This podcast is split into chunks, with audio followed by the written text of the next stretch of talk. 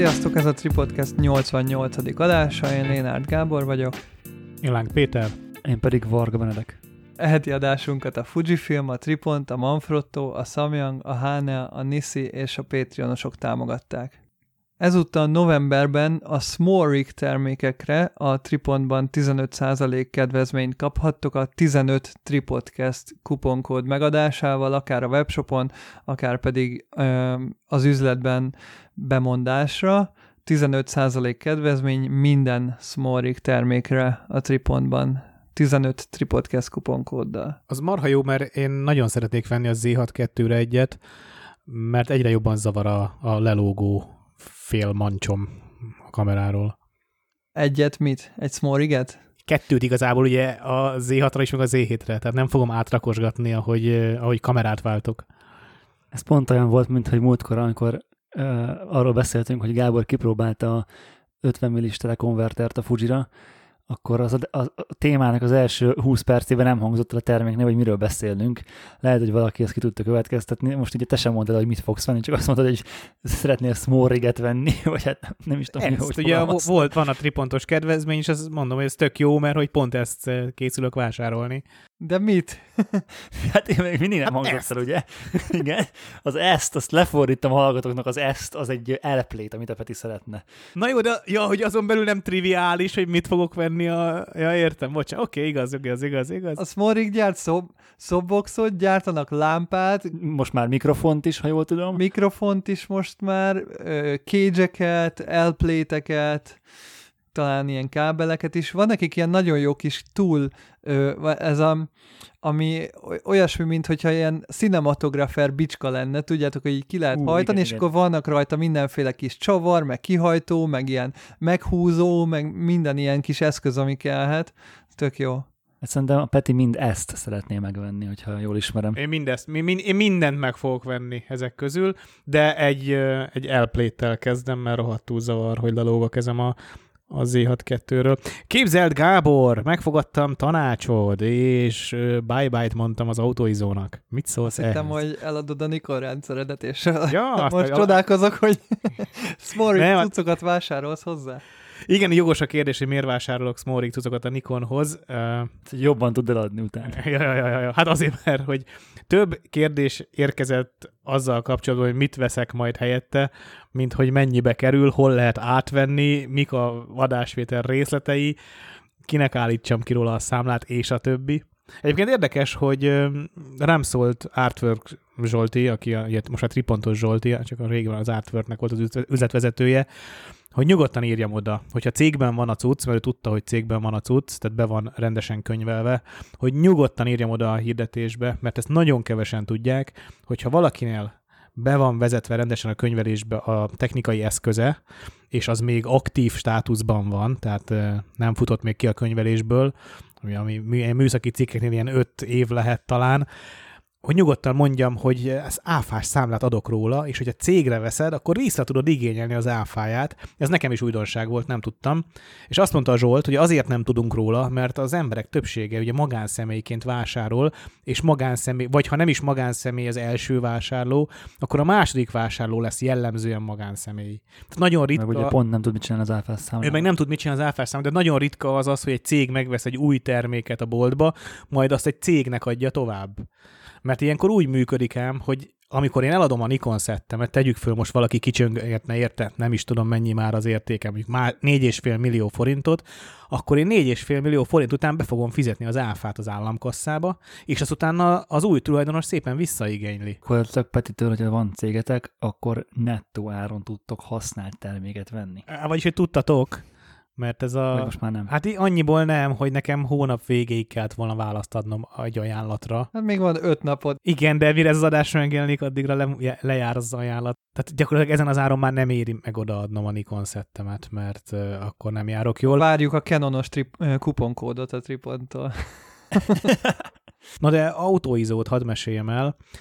Uh, amikor az Z6-ot először teszteltük, akkor nagyon örültünk neki, az objektívnek a Zoom tárcs, Zoom gyűrűje, az program vagy fókuszgyűrűje, nem tudom, fókuszgyűrűje, a fix, fókuszgyűrű. fókuszgyűrűje, köszönöm, Zoom, az fi, fixekről beszélek elsősorban, nincs is Zoom ugye viszont ezt a gyűrűt azt nem feltétlen hívhatjuk ugye fókuszgyűrűnek, hiszen az csak egy Controlling. digitális gyűrű, tehát ez control gyűrű, Igen. azt már azt hiszem, hogy úgy is hívják, és ugye arra rá tudod programozni az autofókuszt is, ami ugye egy elektronikus autofókusz lesz onnantól kezdve, tehát ott nem azt csinálod, mint régen a, a tükrös gépeknél. Nem az autofókusz, hanem a fókuszt.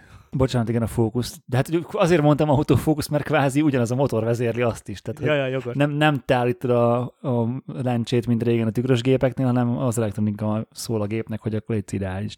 Na szóval ráprogramoztam az izót, és én emlékszem arra, amikor először ezt mi próbáltuk, akkor valahogy nem tetszett. Hogy eltekeredett, meg olyan bénán működött, és én most meglehetősen boldog vagyok vele, úgyhogy búcsút mondtam a hosszú éves gyakorlatnak, és és most három tárcsásként használom a Nikont. Ez egy Canon kamerán azért lényegesen kényelmesebb lenne, csak így mondom. Az volt a tapasztalatom ezzel kapcsolatban, én is rátettem erre a control ringre. Én azt a funkció, én a, nem az autóizot raktam rá, hanem a, a mi annak a neve, az expo kompenzációt. És az volt a bajom, hogy amint leraktam a gépet a kezemből, ugye az oldalamra, vagy a melkasomra, vagy tek- teljesen mindegy, egyből ugye eltekertem alá, hogy léptem Igen. a testemmel. És ez annyira idegesített, hogy fölemelem a gépet, és akkor egy 8-as Tool Expo van a képen, mert ugye szépen eltekeredik, miközben sétálsz, vagy bármit csinálsz, úgyhogy ezt én ki is kapcsoltam.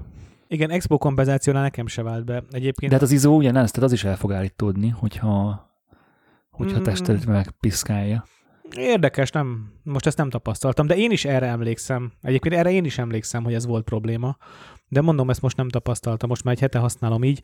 Uh, ami viszont sokkal jobb, hogy valahogy a, a Nikon rendszer, ez a Z rendszer nem kezeli ügyesen a spot fényeket. Tehát amikor nagyon sok sötét van egy-egy egy teremben, és egy-egy emberi spotlámpával meg van világítva, vagy beszélő, vagy, vagy ilyesmi, akkor, akkor az autofókuszra is hat ez a bizonytalanság, és hajlamos a, a, a visz, az IVF vibrálni, hogyha sötétre fordítod a kamerát, akkor nagyon felerősödik, majd ha sok fényt kap, akkor meg nagyon lesötétül, és nem csak spot fénymérésben, mielőtt azt mondanátok, hanem Matrixban is csinálja sajnos, és én ezt küszöbölöm ki, és ezt, ezt Hát ezt vagyok kénytelen meghekkelni azzal, hogy manuálisan állítok izót, és nem autóizózom, mint korábban. És egyébként tetszik, tök jó, működik.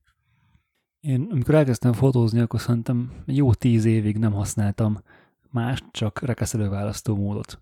Meg ugye amikor bejött az autóizó, akkor autóizót, és én mindig is az, a, azzal állítottam a fényerősséget, hogy expo kompenzációt egy tárcsra rá, rá volt év, és akkor azzal, azzal tudtam állítani a, a képnek a fényességét, és egyszer elkezdtem használni valamire a full manuált.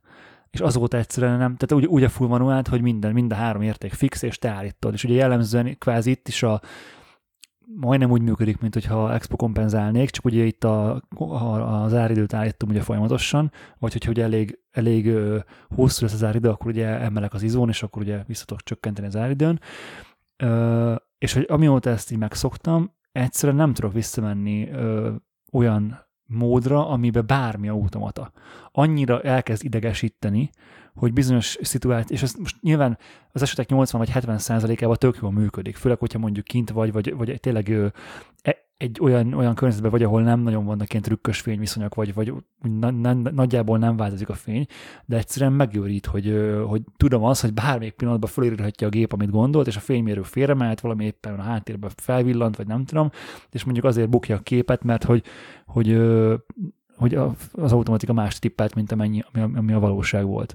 Én amikor életem első fényképezőgépét vásároltam, ami egy Bridge kompakt gép volt, akkor már úgy, ugye utána néztem, hogy miért kell venni, és akkor ugye minden szaksajtó, vagy hát minden fórum azt mondta, hogy tök mindegy, hogy miért veszel életed első fényképezőgépének, de ahhoz, hogy tanulni tudjál rajta, legyen teljesen manuális beállíthatóság rajta, mert ugye az ilyen automata kompakt gépekkel nem tudsz megtanulni fotózni, mert meg kell tanulnod a különböző értékek jelentéseit, és azt úgy fogod tudni, hogyha látod, hogy van egy izóérték, egy záridőérték, meg egy rekeszérték odaírva, és azt te tudod manuálisan mind a hármat állítani.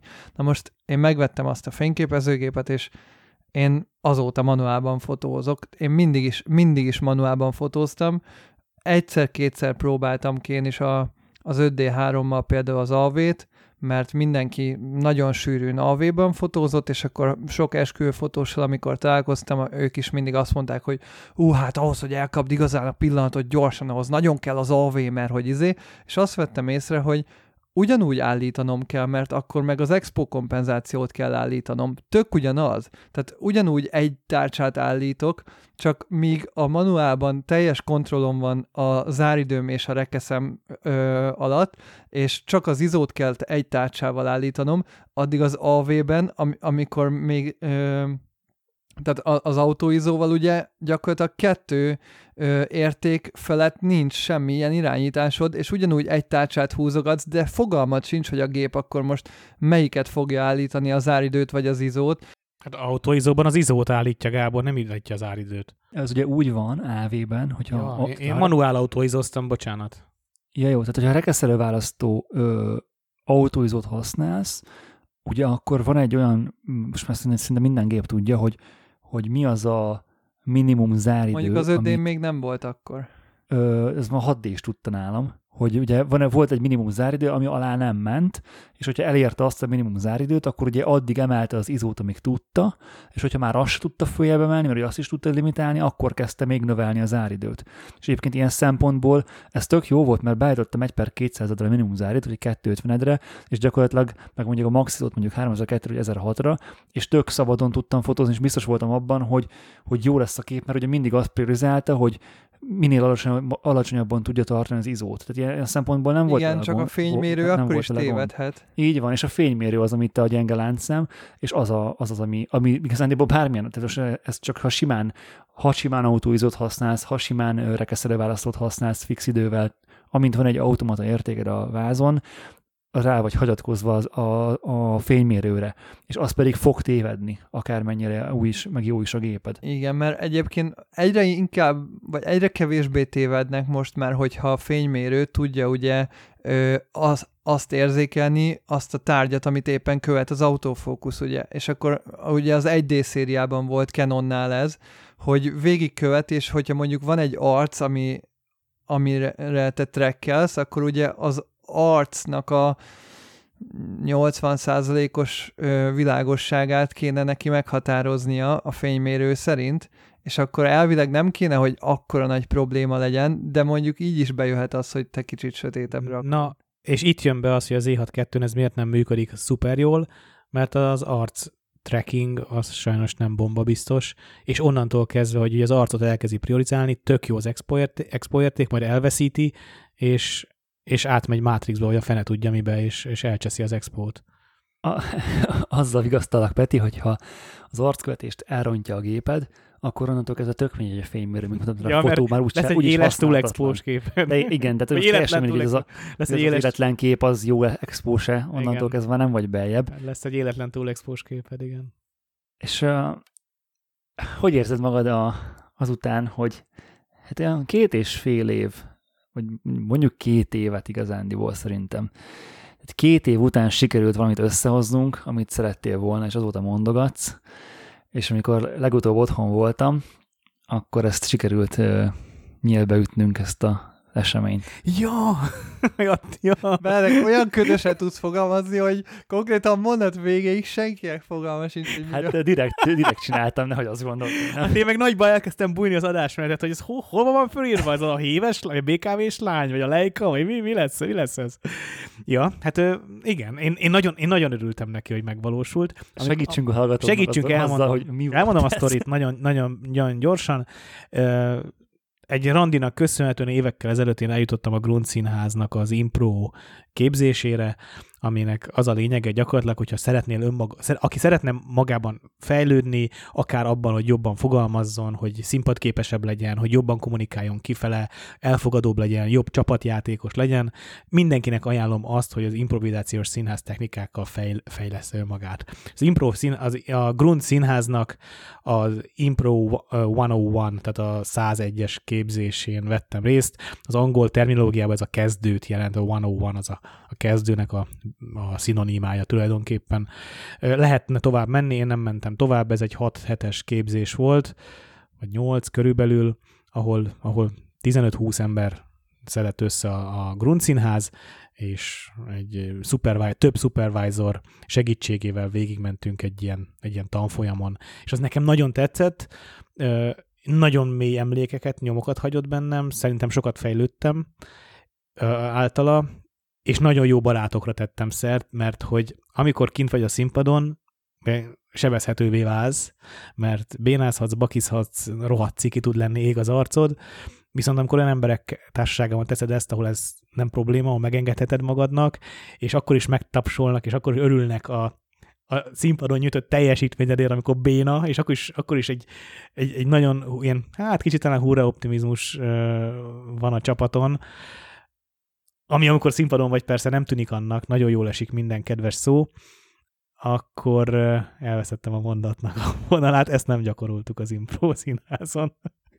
Lényeg a lényeg, hogy ott megismertem Brigit, Arany Brigit, aki az, a Grundnak a, a színésze és oktatója, és amikor mi elkezdtük a podcastet, az azonnali első gondolatom volt, hogy Brigivel csináljunk egy ilyen szupervíziót, ahol vagy hármunkkal foglalkozik, vagy többünkkel, hogy, hogy a mi összeszokottságunk egy picit jobb legyen, és erre jutottunk el most. Ezt hárman nem tudtuk csinálni. Tehát ez az elején nagyon hamar kiderült, hogy ehhez kell még másik, hát legalább hat ember, vagy bocsánat, nem, legalább hét ember, vagy legalább öt ember, párosan kell ugye lennünk. Mielőtt hazamentem volna, Peti mondta, hogy akkor most megcsináljuk, a hatodik haszakad, és össze is tudott szervezni még rajtunk kívül hét embert, akik közül szerintem mindenki Patreon támogatónk. Egy vagy, Jó, egy, egy vagy ketten nem voltak, akik ilyen utolsó beugró emberek voltak, ők talán igen, nem igen, voltak igen, patreonosok. Nem. De hogy a Patreonra tettük ezt ki, ezt a lehetőséget, ez kvázi egy ilyen kis privát uh, tripodcast találkozó volt, olyan szempontból, hogy, hogy, hogy nyilván ők hallgatók, hogyha már a Patreon keresztül támogatnak.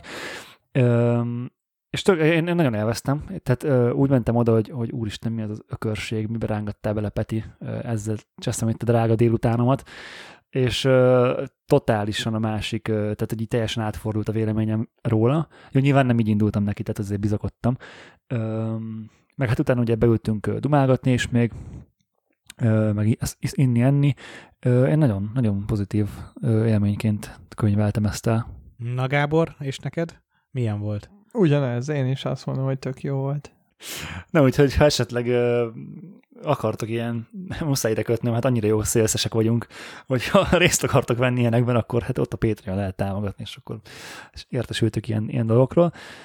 Úgyhogy köszi Peti, hogy ezt végül sikerült összehoznunk, és remélem, hogy folytatjuk. Gábor, most kezdhetsz bárhogyan egy új témát. Szabadság a tiéd. Látom itt az adásmenetbe fölírva. Nem, nem úgy kell. Úgy, úgy tilos adást, vagy úgy tilos témát kezdeni mostantól. Peti múltkor uh, random küldött nekem egy képet Messengeren, és annyit mondott, nézd itt a BKV-s lány. De hogy én így, oké, okay, BKV-s lány, gondoltam, mentél valakivel fotózni, vagy nem tudom, és akkor B- vagy itt a BKV-s fotó, vagy valami ilyesmivel küldte. Hát mondom, jó, oké. és ő kérdezte, hogy zöld-e. Hát mondom, nem tudom, szerintem nem zöld. Oké, és akkor ennyi volt. És aztán néztem, hogy kiírtál valami sztorit Instán, hogy tök random ismerted meg a csajt, vagy megláttad, és akkor leültél, meg nem tudom, és akkor lefotóztad, meg, ó, én meg így néztem, olvast, olvastam, és közben gondolkodtam, hogy akkor Peti azt hiszi, hogy ő már elmesélte nekem ezt a sztorit, és Messengeren utalt rá, hogy ő az a lány, de igazából nem mesélte el a sztorit, szóval most azért gondoltam, hogy mesélje már el. Ja, meg ö, valamiért feltételeztem, lehet, vagy, vagy azt hittem, hogy már elmeséltem neked, mert el akartam mesélni, csak nem meséltem el, vagy azt hittem, hogy láttad a sztorit, csak hát azt elfejtettem, hogy ez délelőtt történt, ami így kizárja azt, hogy lásd a sztorit voltam reggel, vittem a Land Cruiser szervizbe, ilyen utolsó átvizsgálásra, és onnan hazafele hével jöttem, és velem szembe ült egy gyönyörű lány, hát látjuk a képen, és tök arany, megkérdeztem, hogy kutyával leültek-e vele szembe, és így bólintott, hogy igen, de nem nagyon tudtam vele szemkontaktust teremteni, mert nyakamba lógott az X100, és hát le akartam fényképezni, háta mögül jött a fény, rohadt jó, nagyon szép fények voltak az arcán, és tudtam, hogy a nagyjából 5 hív megállónyi időm van, és ahogy egyre És a közeledtünk... következőnél leszállt. Nem, hát ahogy egyre közeledtünk a végállomáshoz, egyre kevésbé volt jó a fény az arcán. De hát az Istennek, bokárugni azért nem akartam, hogy Ékás, figyelj már ide, aló! És a füles meg a fülébe, úgy behajolni az arcába szintén tolakodó lett volna. Filóztam, hogy felemelem a gépet, azt simán lekattintam, aztán utólag megmagyarázom, de az meg azért, azért a héven közelülsz a másikhoz, azért az, az nagyon... Tehát az elsődleges kontaktus megteremtése után annál cringe dolog nincs, hogy ö, fölemeled a gépet és az arcába fotózol. Tehát, hogy Majd utána még négy megállót mentek. Igen, utána meg így, hú, így nézegetsz ki így az ablakon, így tudod, így Semmi. szemmel. Mi van? Mi, Mit- miért nézel? Mit, semmi nem történt. Na, szóval nagy nehezen egyszer csak kivette a fülest a füléből, a, amit nem is értek miért.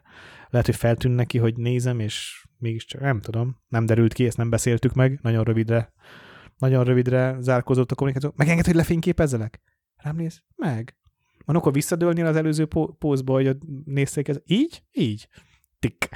és, és lefényképeztem. Aztán kicsit beszélgettünk, még elkértük egymás instáját, hogy már el tudjam neki küldeni, és utána anyukája is és a testvére is megdicsértek engem, hogy, hogy milyen jó, hogy készítettem róla ilyen szép fényképet, mert, mert amúgy ö, nem annyira szereti, vagy hogy nem tudom, volt valamilyen ilyen sztori mögött, de hát e- e- ebben már nem mentem bele annyira. Minden esetre tök jó élmény volt.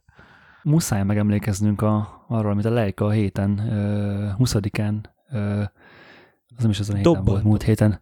En, igen, vagy hát nem tudom, bejelentett. Most meg- az elmúlt 50 évben nem beszéltek még eleget a Leica M6-ról. Úgy érzed, hogy mindenképpen Leica M6-ról kell beszélni, mert végül is csak 500 millió YouTube videó van róla, ahogy a filmek, fotósok Gábor. arról beszélnek, hogy miért vegyél Leica M6-ot, is it worth it in 2022? Na, megnyugtatlak, nem ebből az aspektusból akartam erről a kérdéskörről beszélgetni, mert ez a pont nem érdekel, mert nyilván mindenki el tudja magának dönteni, akar-e venni 5000 euróért egy analóg gépet, vagy nem, ö, hanem arról, hogy ezt kérdeztem is azt hiszem már tőletek Messengeren, lehet, hogy Gábor válaszolt is rá, de azért beszéljük már meg, hogy maga ez a jelenség. Van egy cég, akinek volt egy sikerterméke, 2002-ig gyártották az M6-ot, gyakorlatilag ez az a Leica, amit hogyha bárki kimondja azt, hogy Leica, akkor az emberek többségének ez a modell jut eszébe, ez, ez a legikonikusabb kamerájuk szerintem. És az összes, ö, tényleg aki analóg fotós influencer, youtuber, content creator, bármi, annál biztos, hogy megfordult ez a Leica, és nagyon sok embernek ez az M6 maga a, az ilyen, az analóg fotózásnak a csúcsa, hogy oda szeretne majd egyszer jutni felszerelésben. A Leica-nak van jelenleg is kettő analóg gép, amit újonnan lehet venni. Az egyik ugye az az MP, ami 2003-ban jelent meg, és azóta változatlanul lehet kapni, meg az MA, ami ugyanaz, mint az MP, csak nincs benne fénymérő, az pedig 2014-től lehet kapni, és bármikor megvenni teljesen újonnan.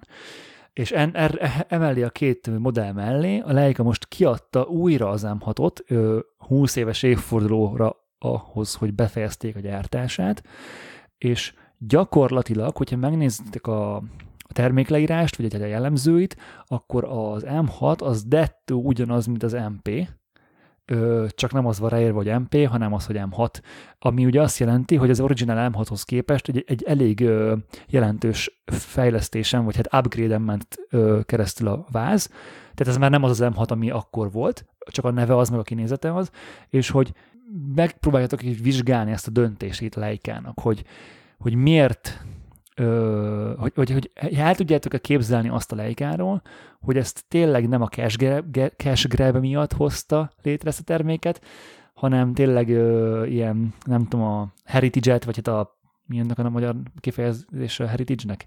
Örökséget, tehát a fotózás örökségét akarja ezzel, meg az analóg fotózás szépségét akarja ezzel ö, tovább vinni. Mi erről a véleményetek? Tök kíváncsi vagyok. Hát a heritage egy szép szó, és így, Igen, így ennyi. is az a véleményem. de tényleg tök jól, tehát pláne, hogy egy natív angol mondja ki, gyönyörűen hangzik, de, de a bullshit se hangzik rosszul.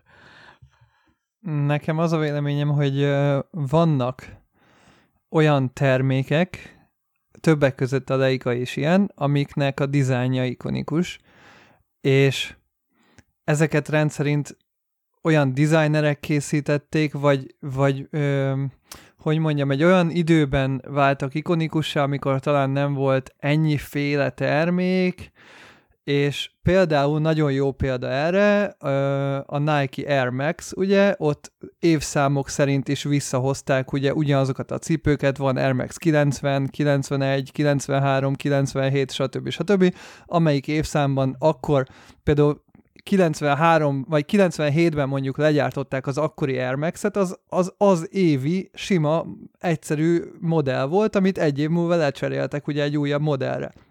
De utólag, mivel látják, hogy ez egy nagyon népszerű modell volt, meg utólag pont azok a híres celeb, celebek vették fel, meg utólag nagyon sok reklámban ö, megfordult, hirtelen, amikor most visszatérünk ugye 20 év múlva a 90-es évek nosztalgiájára, hát mit ad Isten, akkor most ö, valahonnan ö, teremt, ö, valahonnan szedni kell elő új dizájnokat, meg nem tudom, hát honnan szedjünk, honnan szedjünk dizájnt, új ötletünk nagyon nincs, nem tudjuk már hová modernizálni a dolgokat, akkor csináljuk azt, hogy előszedjük a 90-es évekbeli menő dizájnjainkat, mert az, mert az annyira retro, meg annyira ikonikussá tette a brandet, meg ilyesmi. Na most az a kérdés, hogy ez tök oké, okay, hogyha, hogy, hogy, hogy visszamegyünk a 80-as, 90-es évek dizájnjához, mert hogy az mind mennyire ikonikus, csak mi, mi lesz mondjuk 2050-ben az ikonikus dizájn, amit a 2020-as években gyártottak, hogyha a 2020-as években az innováció, vagy ö, a design ö, nyelv az jelenleg újra felhasználja a 90-es évekbeli dizájnt. Tehát, hogy, hogy, hogy mi lesz az ikonikus, nem tudom, a, a, a DJI majd kiad egy ö, fantomot, egy nagy fehér ilyen szappantartó fantomot, mert hogy az lett az ikonikus drón, és akkor majd izé visszamegyünk az alapokhoz, vagy nem értem. Szerintem egy kicsit túlzol ezzel a kijelentéssel. Attól, hogy van egy-kettő olyan termék, ami, ami követi ezt a retro vagy 80-as évekbeli életérzést, és ezt ez köztudott, hogy a divat, meg minden ilyen dolog az ismétli önmagát. Tehát ezek vissza és vissza visszatérnek, de az nem azt jelenti, hogy az aktuális, modern, vagy hát nem, nem is az, hogy modern, hanem a jelen, jelen idejű termékek azok kihalnak. Van most is más, ezer millió más fényképezőgép, meg cipő is, meg minden, ami tök nem úgy néz ki, mint az Air Max, meg érted, bármit fel lehet sorolni, de vannak olyanok is, amik visszanyúlnak ahhoz, és ö, nem tudom, hogy az Air Max például mennyiben tér el az, az eredetihez képest, de gondolom ott is az anyag az más, ö, környezetbarátabb, nem tudom, de mondjuk az alapdizájn az hasonló. Hát például csináltak olyat, hogy varrásmentes verzió, ugye az eredetin például nagy varrások voltak, ugye, rendes szövéssel, és akkor az újon meg mondjuk lehet, hogy egy vékonyabb lélegzőbb anyag van, és ott meg már ragasztás van például varrás helyett. De hogy, hogy a Leikánál ez biztos, hogy nem a divat. Tehát, hogy ugye, ugye, ugye olyan szempontból nem a divat ösztönözte ezt, hogy tehát a Leica nem ad ki minden évben egy frissített fényképezőgépet, egy analóg fényképezőgépet, tehát ez nem, nem, nem, ez nem egy olyan dolog, hogy akkor most jövőre visszahozzuk majd a, a nem tudom, az M4-et, és akkor az lesz. Az az első fura, fura ebben, hogy mindenki a, az, tehát a lejkás ö, arcok is, akik a lejkánál dolgoznak, meg lejka eladók, és nem csak, a, tehát nem csak olyan emberek mond, mondják ezt, akiknek semmi közük nincs a lejkához, hogy jelenleg alig lehet kapni MP-t és MA-t. Tehát mivel ezeket a gépeket kézzel készítik Németországban, nem Kínába rakják össze ezrével, olyan várólista van rá a jelenlegi termékekre is, hogy gyakorlatilag nem érnek a végére. És erre kiadnak egy harmadik verziót, amire szintén óriási várólista lesz, és konkrétan euróra pontosan ugyanannyiba kerül az M6, mint az MP. Ez, ez olyan, mint hogyha félreolvasták volna a, a felhasználói szokásokat, mert ugye miért használnak az emberek M6-ot? Hát azért, mert eBay ilyen fele annyiba kerül, mint az MP. Ez nem igaz, kétharmad annyiba. Jó, akkor kétharmad annyiba, tehát azért, mert olcsóbb, azért használták. Leikát akarnak,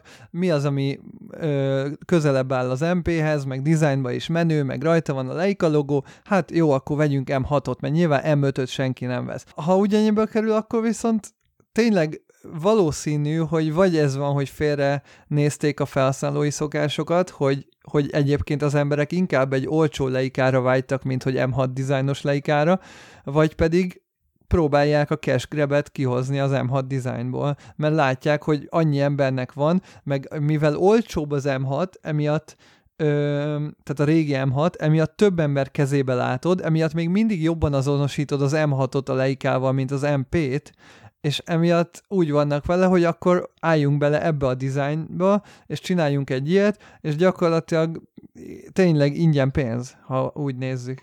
Nekem ebben az a fura, hogy, hogy tehát ilyen kettősség van bennem, hogy pénz, nyilván pénzt akar a Leica, mert ő is egy cég, tehát nem, nem vagyunk, tehát ő egy, nem egy jótékonysági szervezet, tehát ő el akarja adni azt a fényképezőgépet. Viszont, hogyha jelenleg a jelenleg futó két fényképezőgépéből nem tud eleget gyártani, akkor kvázi a kapacitásának a csúcsán van. Tehát azzal nem lesz több pénze, hogy most bevezet egy harmadik Igen. féle fényképezőgépet, amiből ugyanúgy nem tud majd gyártani, mert akkor majd a másik kettőből még kevesebbet fog tudni gyártani, ha csak nem tényleg arról van szó, hogy mondjuk emellé nyitottak egy új gyártósort is, vagy felvettek mondjuk tíz alkalmazottat, ezt nem tudjuk nyilván. Jó, de közben meg nyilván ez lehet egy üzleti stratégia, hogy oké, okay, akkor nehogy az legyen már, hogy a meglévő modellünkből gyártunk eleget, hanem gyakorlatilag a... Igen, egy mesterséges készlethiányt fenntartanak gyakorlatilag. Az árnak a megindokoltságát jobban növeli az, hogyha kiadunk még egy, meg még egy gépet, amire még nagyobb igény van, meg még nagyobb igény van, és még jobban azt tudjuk kommunikálni, hogy úristen, nagyon keveset gyártunk, nagyon exkluzívak vagyunk, nagyon szerencsés, akinek új leikája lehet, és még jobban ö, fent tudjuk tartani azt az árat, ami egyébként már csökkenne, csak azzal tud stagnálni, hogy fenntartjuk ezzel a hype a víz fölött igazából, meg ezzel a mesterséges öm, készlethiányjal, vagy hogy mondjam. Én azt vettem észre, az elmúlt egy-két évben nagyon sok gyártó csinálja ezt, amit most a Leica-tól látunk. Tehát a Nikon is úgy mutatott be új modellt, hogy az elő, előzőt még nem tudta szállítani. A Canon ugyanezt megcsinálta a Tesláról nem is beszélve, aki gyakorlatilag minden, é- minden évben ígéri, hogy, hogy majd most, majd most lesz a Cybertruck, most már tudjátok rendelni a Cybertruckot. Én, én, én, a, én a Leikát egy, továbbra is egy divatterméknek tartom, nem annyira fényképezőgépnek, bár lehet vele fényképezni, és nagyon szép képeket lehet vele készíteni, tehát hogy nyilván mögötte van valamilyen technológia, de, de ezek pontosan ezek azok a húzások, amik, amik be, megerősítenek engem abban, hogy ők nem a, nem a fotográfiai innovációban, hanem a divat kiszolgálásában érdekeltek, és teljesen érthető, hogy ilyen cégnek is van helye a piacon. Én nem látom ebben azt, hogy ez fotósoknak miért lenne jó, ez egy, ez egy tök jó divattermék, ami, ami pénzt tud csinálni, és mondok még valamit, sajtó, sajtóhír. Tehát ez egy, ez egy generált sajtóhír, PR fogás gyakorlatilag. Oké, okay, hogy cash grab akar lenni, de hogy mivel nem tudnak már kapacitáson túl gyártani, ezért el tudnánk hinni azt, hogy ez akkor tényleg a heritage, meg az örökség, és akkor tényleg újra megmutatjuk a Leica M6-ot, stb. stb. És hogy így, ez így valahogyan így még ha nagyon akarom össze is tud így csengeni, holott nyilván nem ez van mögötte, vagy nem csak ez van mögötte, Viszont ami nagyon érdekes volt, három fotós volt meghívva, akik kaptak, gondolom, gépet, meg előtte már, elő, előtte már használták ezt az M6-ot hónapokkal, tehát nem a, nem a régit, hanem a jelenlegit, amit most jelentettek be, és mind a három fotós, az igazándiból nem is fotós volt, hanem fotós influencer. Fiatal influencerek, igen. Ők youtuber vagy Instagram content kreatorok voltak, és egy olyan kamerát akar eladni a Leica nekem, tehát gyakorlatilag lecserélhető emberekkel a Heritage címszó alatt. És ez, ez, benne, ez benne nekem nagyon fura, hogy itt van ez a cég, aki, akinek köszönhetjük a kis filmet. Tucat influencerekkel reklámozzák ezt a kamerát, meg az egész promóciót erre építik, holott folyamatosan azt hangoztatják, hogy Heritage meg nem tudom mi, és hogy az M6 az a, a tényleg a nagy világhírű fotósoknak volt az eszköze, és egyébként ez igaz is, tehát abban az időszakban a nagy riportfotósok, a magnum fotósok, a Nat fotósok lelket használtak. Ez nem, és ez nem egy kitaláció. Én azt nem értem, hogy ha erre ülünk rá, mint, mint márka, akkor miért nem egy normális fotóst hívnak oda, aki mondjuk egy WordPress díjas riportfotós. Azért, mert normális fotósnak a nevét nem ismerik azok, akik most leikát fognak vásárolni. Mert Igen, de ez aki... meg mennyire szomorú már, de nem, hogy most ebbe A másik véglet meg, amikor a Hasselblad még 2022-ben is holdra szállással akar kamerát eladni. Érted? A, mert Heritage. Hagyjuk már. Tehát, hogy az is túlzás. Nem, tehát kicsit azért lehet nyilván előrefelé menni. Az óragyártók meg olyan tulajdonságokkal adnak el órát, hogy 200 méterig vízálló, tehát nem mész le 200 méterre. Tehát Persze, persze. Baromság. Hülyeség. E- Egyébként ez Benedek nem, azért nem heritage, tehát mondtad, hogy mivel a demand magas, meg nem tudják kiszolgálni, hú, hát nagyon nagy kérdés, pont a Tesla hangzott el, hát hogyan lehet vajon pénzt csinálni anélkül, hogy hogyha nem tudod legyártani a terméket, nem tudsz eleget, nincs, a Teslának is ugye gondjai vannak a, a kapacitással, meg gondjai vannak a gyártással, tök, tök egyszerű, a befektetőknek kell gyártani a, Persze. a cuccot, és ez nem a heritage-nek szól, ez a befektetőknek szól. Persze. Lett egy Vagyunk, új- létezünk, igen. gyártunk, Hát alapból- gondolkodunk. alapból az, hogy am- amikor most a Canon Nikont is mondtad, az, hogy mikor lehet, hogy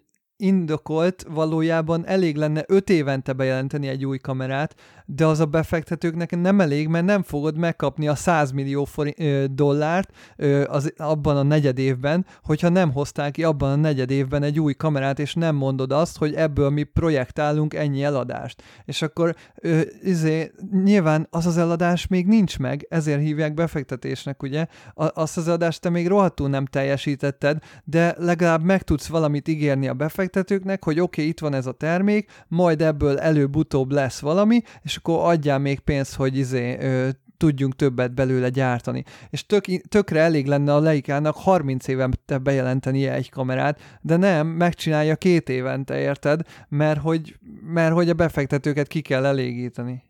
Ők egy picit azért széthúzták ezt a, ezt a termékciklust, Hát azért De- van évente, tehát minden évben van egy Leica bejelentés Benedek. de mindegyik más kategória, mindegy.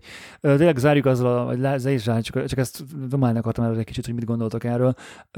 És én egyébként e- mindettől függetlenül hogy tökre örülök neki, hogy ezt visszahozták meg, meg tök szép lett, meg annak meg kifejezetten örülök, hogy upgrade a magát a rendszert, és hogyha igaz, amit mondtak, ebből, ez meg nem jött ki hivatalosan, de hogyha, ez, de hogyha a sejtések igazak, vagy akik már fogták a kezükbe ezt a kamerát, hogy ott voltak Wetzlarban, lehet nekik hinni, akkor ez az M6, ez azt jelenti, hogy mostantól újra tudja a Leica szervizelni a régi M6-okat teljesen. Viszont én annak örülnék, hogyha lenne még egy-két olyan gyártó, ha ilyen analóg vonalon, akik gyártanának újra fényképezőgépeket, mert azzal... Analóg fényképezőgépek. Igen, tehát például egy Mamiya 7 vagy egy uh, Pentax, tehát például 6x7-es fényképezőgépből nincs tudtommal újonnan gyártott gép, kivéve az ilyen Holga, meg Lomo, meg ezek a hülyeségek.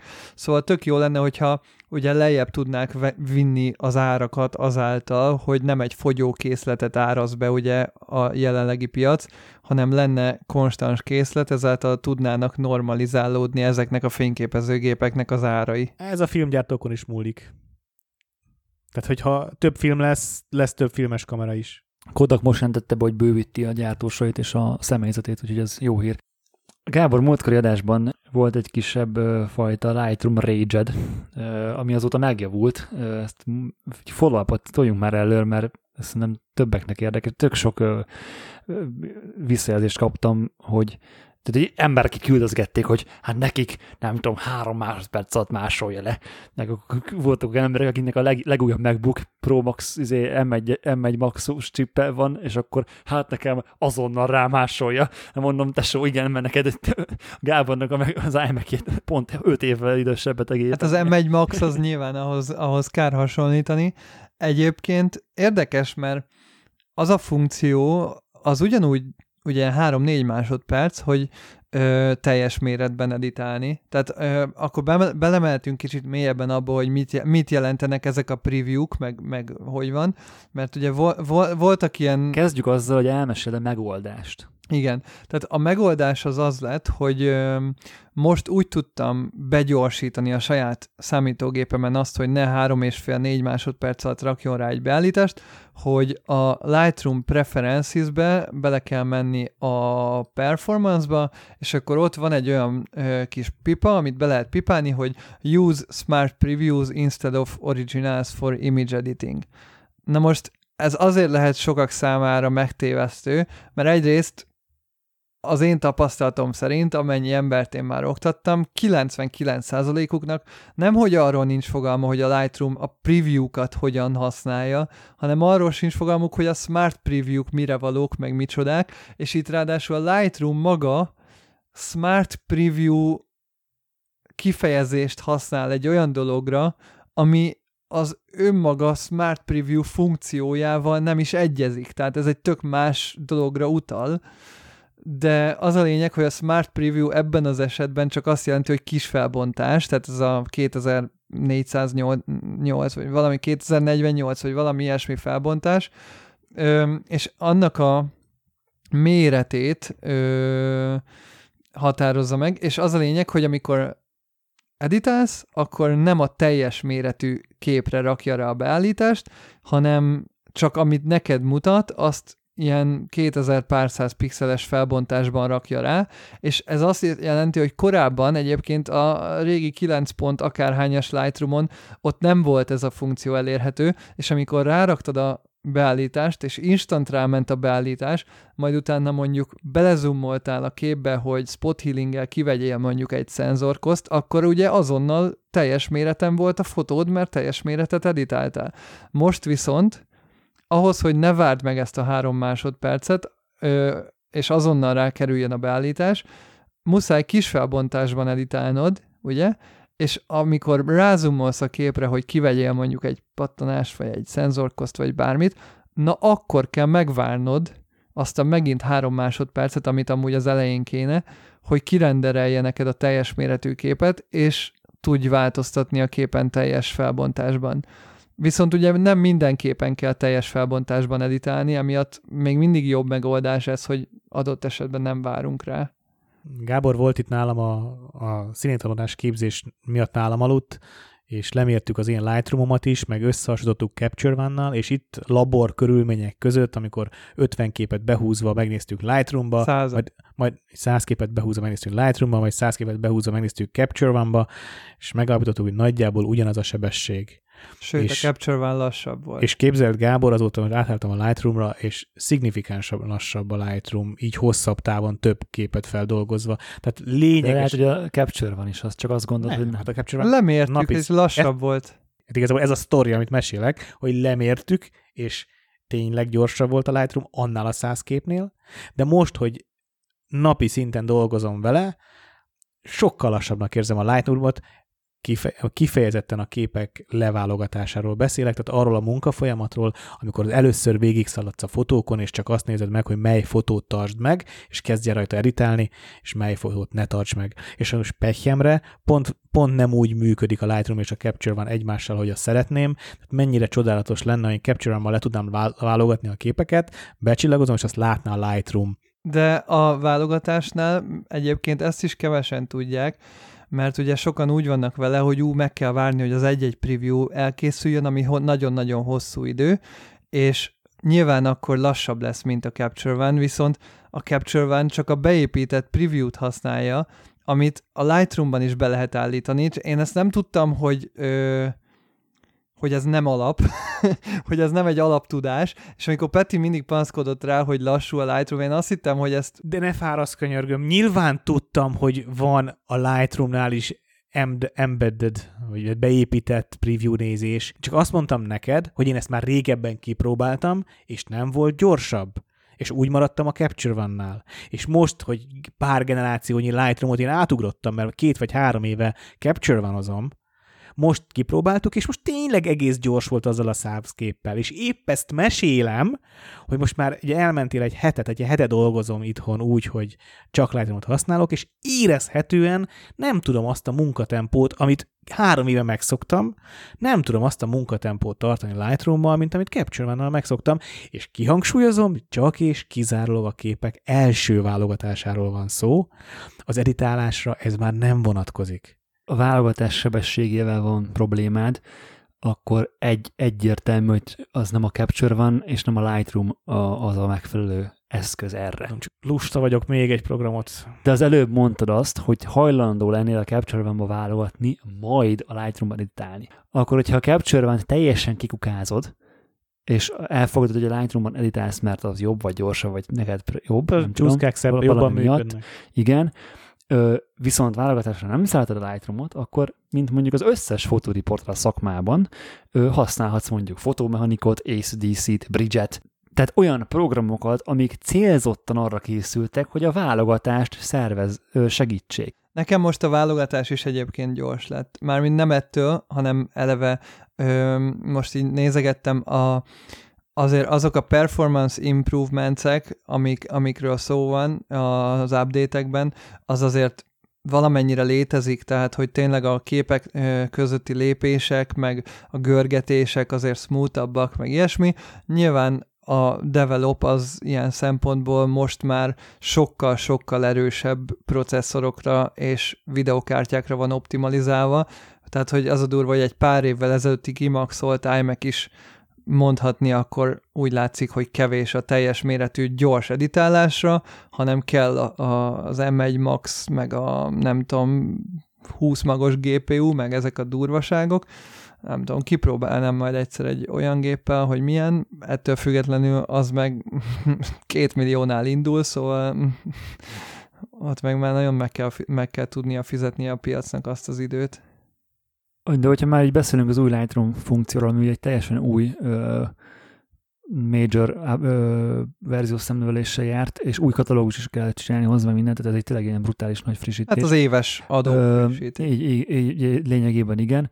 Ö, kigyűjtötted nekünk egészen jól az új funkciókat, a, amik ugye kapcsolódnak ahhoz a típusú funkcióhoz, amit múltkor mondtál, hogy ki tudod jelölni a, szab, a témáját a fotónak, és azt a következő fotón ugye automatikusan át tudja kopizni.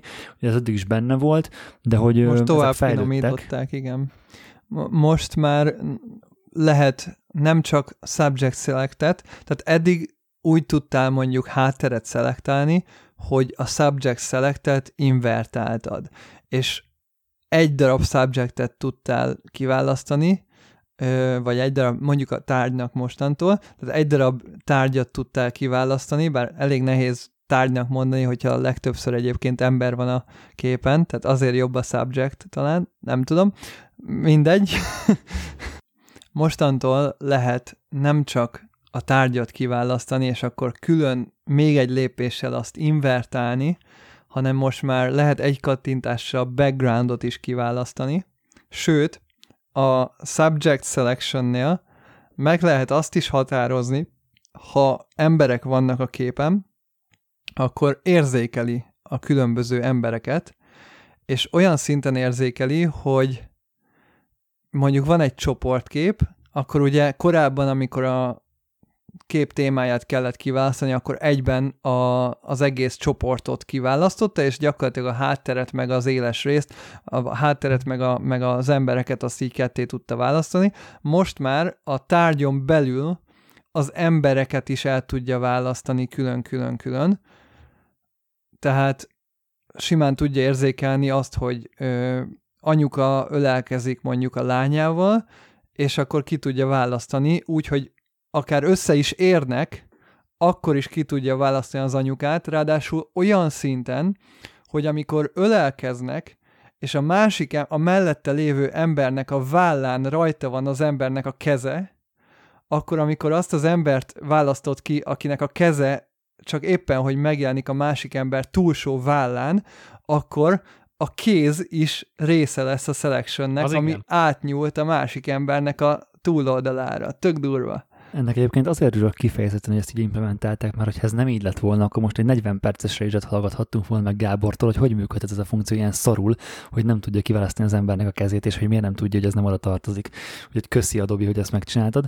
Kérdésem ez a funkcióhoz, uh, még én a, a, miután ezeket mondtad, hogy uh, ezeket, meg ugye a múltkörödás hatására is, uh, legutóbb, amikor kivittem, Verával sétáltunk a városba, és nem volt a fényképezőgép, kipróbáltam az egyik képen, amin a Vera volt ezt a funkciót, hogy kijelölt hogy rákattint, hogy akkor subject select, szépen megtalálta a Verát, ez még, ez még az egyel korábbi Lightroom volt, tehát ez még nem, az, nem a legfrissebb, és hogy tényleg tök, tök fun volt, ugye hátteret így lehetett átgatni, meg még pont jól is jött ki, mert, mert valahogyan a fehér egyensúly nem volt annyira jó a jó balanszban, és akkor ott az, a, a Verának a kicsit melegebbre húztam a bőrszínét, a hátteret meg elkékítettem finoman, és akkor még, még jobb lett a kép. Volt egy olyan fotó, amin egyébként ez azokról a fotókról beszélek, amiket küldtem nektek, ezek az mozi formátumú fotók voltak, és volt egy olyan fotó, aminek a, köz, a középpontjában volt egy sárga bokor, és mellette meg beton, meg járda, meg volt egy esernyős figura az egyik kép sarkában. És azt a képet akartam úgy megcsinálni, hogy rákattintok, hogy Subject Select, szépen megtalálja nekem a Lightroom a bokrot, és akkor azzal tudok játszogatni. Na hát ez nem sikerült neki, mert ugye régen még ez a Subject Select csak emberre volt ö, használható, és hogy most már javult-e ez a funkció. Tehát mondjuk ö, hogy milyen tök jó lenne, hogyha nem találja meg a subjectet, hogy be tudom keretezni a képen, hogy hol keresd a subjectet. Vagy valamilyen módon, akár ilyen lasszó túllal kijelölöm, és akkor úgy nagyjából, hogy, hogy a, ott benne van a bokor mondjuk, és akkor ő meg ugye kifinomítja, hogy akkor itt van a subject, és akkor onnantól kezdve az a, az a, az a témája a fotónak, és akkor azt tudom külön editálni. Hogy van, lett ebben ilyen, vagy, vagy ez fejlőd, tudott ez fejlődni? Tökéletesen irányított kérdés, amúgy. Mert De ez nem irányított kérdés volt, ez, ez egy, konkrétan ez egy kívánságom ez volt. Tehát konkrétan Na, ez, ez lett, szuper, mindjárt is próbálom. Lett most már manuális subject select. Mind a két általad említett verzió belement. Van egy olyan, hogy ha mondjuk te ezt a bokrot akarod kijelölni, akkor konkrétan van egy ilyen négyzetes kijelölő, a négyzetet a bokor köré berajzolod, és ő érzékelni fogja, hogy ott akkor van egy valamilyen téma, és ki fogja jelölni neked a bokrot. Tehát gyakorlatilag ami köré egy ilyen négyzetet húzol, ott megkeresi a témákat, és gyakorlatilag a témát kijelöli neked. A másik, hogyha nagyon-nagyon komplikált a téma, bár egyébként az a négyzet eddig mindent nagyon durván meg tud találni, tehát kijelölsz egy kis lámpát a négyzettel, bármit, azonnal gyönyörűen a vonalait mindent kijelöl, de lehet akár rajzolni is, tehát van brásos object select is, hogy nagyjából csinálsz egy ilyen brásos rajzolást, hogy ezt a kis foltot szeretném itt ö, ö, objektként kijelölni, és akkor ő kifinomítja neked a kijelölést arra, hogy gyakorlatilag ö, szépen megfogja neked a, azt ö, maszkolni, és akkor onnantól kezdve ö, szerkesztheted. És ugye még mindig, hogyha tévedett az objekt selectionnél, akkor még mindig ugye manuálisan finomíthatod a brush a maszkot simán. Tehát most már van ez is, hogy lehet uh, interszektelni a különböző filtereket, tehát az Object Selectre még ráhúzhatod akár a, a különböző uh, gradiens filtereket, vagy bármit, és akkor a kettőt együtt is tudod kezelni. Tehát például meg, volt az adó uh, YouTube csatornán egy ilyen példa, hogy kijelölte egy négyzettel egy körtét, a körtének a kör alakját ugye kijelölte, azon állított egy kis fehér egyensúlyt, majd aztán arra húzott egy kis grádienst, és akkor uh, úgy változtatta meg egy ilyen szép grádiánssal a színét annak az egy kör alakú objektnek. Tehát ez nagyon-nagyon brutálisan jól működik. A, meg ami durva, hogy a people selectionnél amikor emberek vannak a képen, nem csak azt tudja, hogy az embereket külön, külön tudja választani, hanem tudja minden egyes érzékelt embernek a szemét, a szemöldökét, az ajkát, a haját, az arcbőrét és a nem arcbőrét is külön-külön azonosítani, és mindegyiket lehet külön-külön állítani. Én csak annyit hagy szúrjak be, hogy pontosan ez volt az egyik motivációm, amellett, hogy visszaváltsak Lightroomra, hogy azt látom, hogy fejlesztenek, gondolkodnak, és jobb terméket akarnak csinálni. A Capture one meg egyáltalán nem látom ezt. Ott is jön 23-as mindjárt. Okay. Minden évben jön új ott Oké, okay, még megvan a, még megvan az előfizetésem. De a Lightroomban ez nem az első iteráció volt ennek a funkciónak. Ez nem lesz a Capture One-ba varázsütésre jó. Nem valószínű. Tehát úgy, hogyha a csúszkák húzigálását nem tudják normálisan megcsinálni az elmúlt három évben, aztán nem is tudom, mi volt még, ami nagyon bosszantó, de ja, history, history nem tud megszületni most már három év alatt. Most egyébként hallom a felhördülő divatfotósok és ter, ö, reklámfotósoknak a tömegét a hátul mögött, hogy de hát aki a capture használja, az nem a capture one editálja a fotót, hanem Photoshopban, úgyhogy nekik erre nincs is szükségük, de, de igen, szerintem is van, szerintem van szükségük rá, és ez egy tök jó funkció, és én, tök, én is tök egyébként örülök, hogy a Lightroom ezeket beletette, ö, mert megkönnyíti a, a munkádat, és például nekem ez egy olyan motiváció, eddig is meg tudtuk volna ezt csinálni. Tehát ott volt a brás, van időd, szépen ott kiecsetelgeted, minden csinálgatod, szépen kiölgeted 40 percig, azt ugyanúgy tudtad volna szerkezgetni a fehér egyensúlyát a bokornak külön, mint a háttérnek. Tehát ez meddig is ö, meg lehetett oldani. Viszont onnantól kezdve, hogy egy kattintásra elérhetővé válik bármelyik fotómon, lesz motivációm még jobban kidolgozni a fotóimat, és még igényesebben kidolgozni a fotóimat, mert ilyenekkel támogat a platform, hogy ezeket meg tudjam csinálni könnyen, és leveszi a vállamról azt az effortot, ami miatt már eleve meghiúsul az, hogy ennek neki is álljak akár. Holott egyébként majdnem minden fotón ennek tök nagy hasznát lehetne venni. Egyébként ezek a dolgok korábban elképesztő processzorigényel rendelkeztek, és most még a Lightroom támogatja az Inteles processzorokat, ezek a funkciók még el-elfutnak a régi Mac Pro-n, meg a régi iMac-en, és persze meg kell várni, hogy betöltsenek, meg ilyesmi, de létre tudnak jönni a funkciók, de valójában ezek a funkciók az AI által ö, meggyorsított ö, feldolgozás, az, az M1-ben lévő Neural Engine-nek köszönhető például, és hogy egyre inkább erre fejlesztenek a, a szoftvergyártók, és nem tartom kizártnak, hogy előbb-utóbb eljutunk oda, hogy olyan AI funkciók lesznek a programokban, amikhez mindenképpen kelleni fog majd Neural Engine-nel ellátott processzor, magyarul mindenképpen M1, vagy, vagy Win Microsoft aktuális ARM chipje, nem tudom, kelleni fog, de de hogy az biztos, hogy ahogy ez fejlődik, meg ahogy ezek az AI dolgok fejlődnek, ahhoz mindenképpen ö, kelleni fognak az erre specifikálódott chipek mindenképp. De egyébként ez, ez olyan szempontból semmi probléma nincs, hogy erre fele megy a világ, tehát mindenben van AI chip, minden meg van támogatva AI-jal, tehát ez nem egy elszigetelt felhasználói nem. szokás, Csak azt most mondom, mi a hogy érdemes Lightroom-ban. így készülni. De igen, de, igen, de fia, a, mobil, a mobiltelefonokban évek óta van külön AI chip. Tudom, Évek Tudom. óta. Előbb, előbb volt a mobilodban AI chip, dedikált AI chip, és nem csak az iPhone-ról beszélek, bármelyik androidos telefonról is beszélhetnénk, azt hiszem, ha jól tudom, ö, mert évek óta ez elérhető technológia, és nyilván idő kérdése volt, hogy ide eljut a, ide eljut a számítástechnika, és ez biztos, hogy biztosok benne, hogy az Intel is ö, nem, sőt, azért nem merem ezt mondani, mert nem, nem követem az inteles híreket, fogalmam sincs, hogy milyen inteles procik vannak, de lehet, el tudom képzelni, hogy már van olyan inteles proci, amiben van külön AI chip, vagy Neural Engine-es chip, ami azokat támogatja. És akkor már, akkor már meg. Tehát szerintem ez, ez egy természetes fejlődés, és ez nem csak az Apple-nek a vívmánya, úgymond, hogy ez most itt éppen van külön ilyen. Na, maradjunk még az új újításoknál. Néhány dolog, ami már megvalósult, utána beszéltünk arról is, hogy mi, mi lehetne még a jövőben.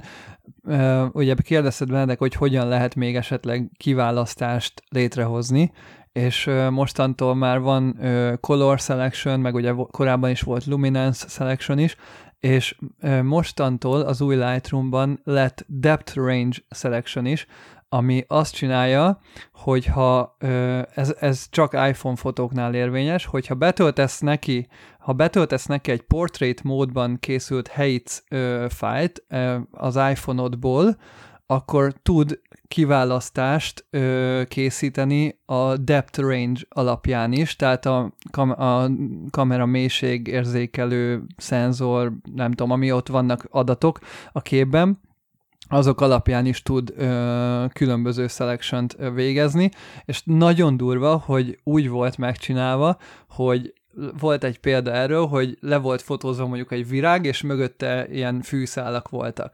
És ahogy a fűszálak egyre távolabb voltak, egyre erősebb volt rajtuk a selection. Tehát a közelebb lévőkön tehát mondjuk, amikor kiválasztod a háttért, akkor a közelebb lévőkön kevésbé van mondjuk a hatás, a távolabb lévőkön meg jobban van a hatás. És van egy átmenet, lehet... aki, a, van lesz egy átmenet, egy tök, Hát mert maga tök ter... a depth Persze. is átmenetes, Hisz, ugye? Aha, és egy tök természetes lesz így a kiválasztás. Igen, Kúra, igen. Jó. És, és hogy maga, maga ugye ezek a mélységi információk sem olyan, hogy akkor van, a, van az előtér, meg van a háttér, hanem, hanem többféle mélységi információt többféle lépésben rögzít az iPhone is, és akkor ez ezeket is képes olvasni a Lightroom és alkalmazni a kijelölés során. Meg, meg lett benne Content Aware Healing, ami ugye megint érdekes, mert mindenki igazából azt várja, hogy mikor jut el a Lightroom healingje arra a szintre, ahol a Photoshop healing brush van, és milyen jó lenne, hogyha lehetne végre retusálni a, a Lightroom-ban bőrt, és nagyon jó, jól használható healing lenne, mert egyébként az a durva, hogy amióta a Lightroom-ban van ez a healing, ez úgy, úgy indult egyébként, hogy egy sima szenzorkoz eltávolító volt, csak egy pöttyöt tudott. Aztán az embereknek többre is igénye lett, és akkor lehetett már csíkot húzni vele. Egyre inkább, ugye, ahogy jött a processor power, és egyre inkább ö, könnyebb ö, RAW fotónak áll a healing, hát egyre inkább ö, növekszik az igény, hogy használhatóbb legyen a UI a Lightroom-ban, tehát hogy ne utólag ugorjon át, és akkor mutasson neked egy ilyen kis béna source hanem ténylegesen húzhassad úgy a brushot, ahogy akarsz. Hát ez most sem lett jobb igazából. Ez a Content Aware nem lett rossz, hogy így rákattintasz valahova, és akkor onnan ugye a környezet, ö, környezetből neked kiszámolja a textúrát, meg a színeket, meg mindent, és akkor ott AI-jal kicsit kiegészíti, meg ilyesmi, de de ráadásul most tök más lett a felület is, mert például a normál spot healingnél a fehérről átment ilyen átlátszóra, és akkor most már láthatod, hogy mi van alatta, csak ilyen tök átlátszó lett az egész, mindegy. Tehát igazából a, a spot healinggel azért eléggé szenved szerintem a Lightroom, az nagyon jó lenne, hogyha végre már Photoshop szintű lenne, és azt totál újra kéne szerintem gondolni.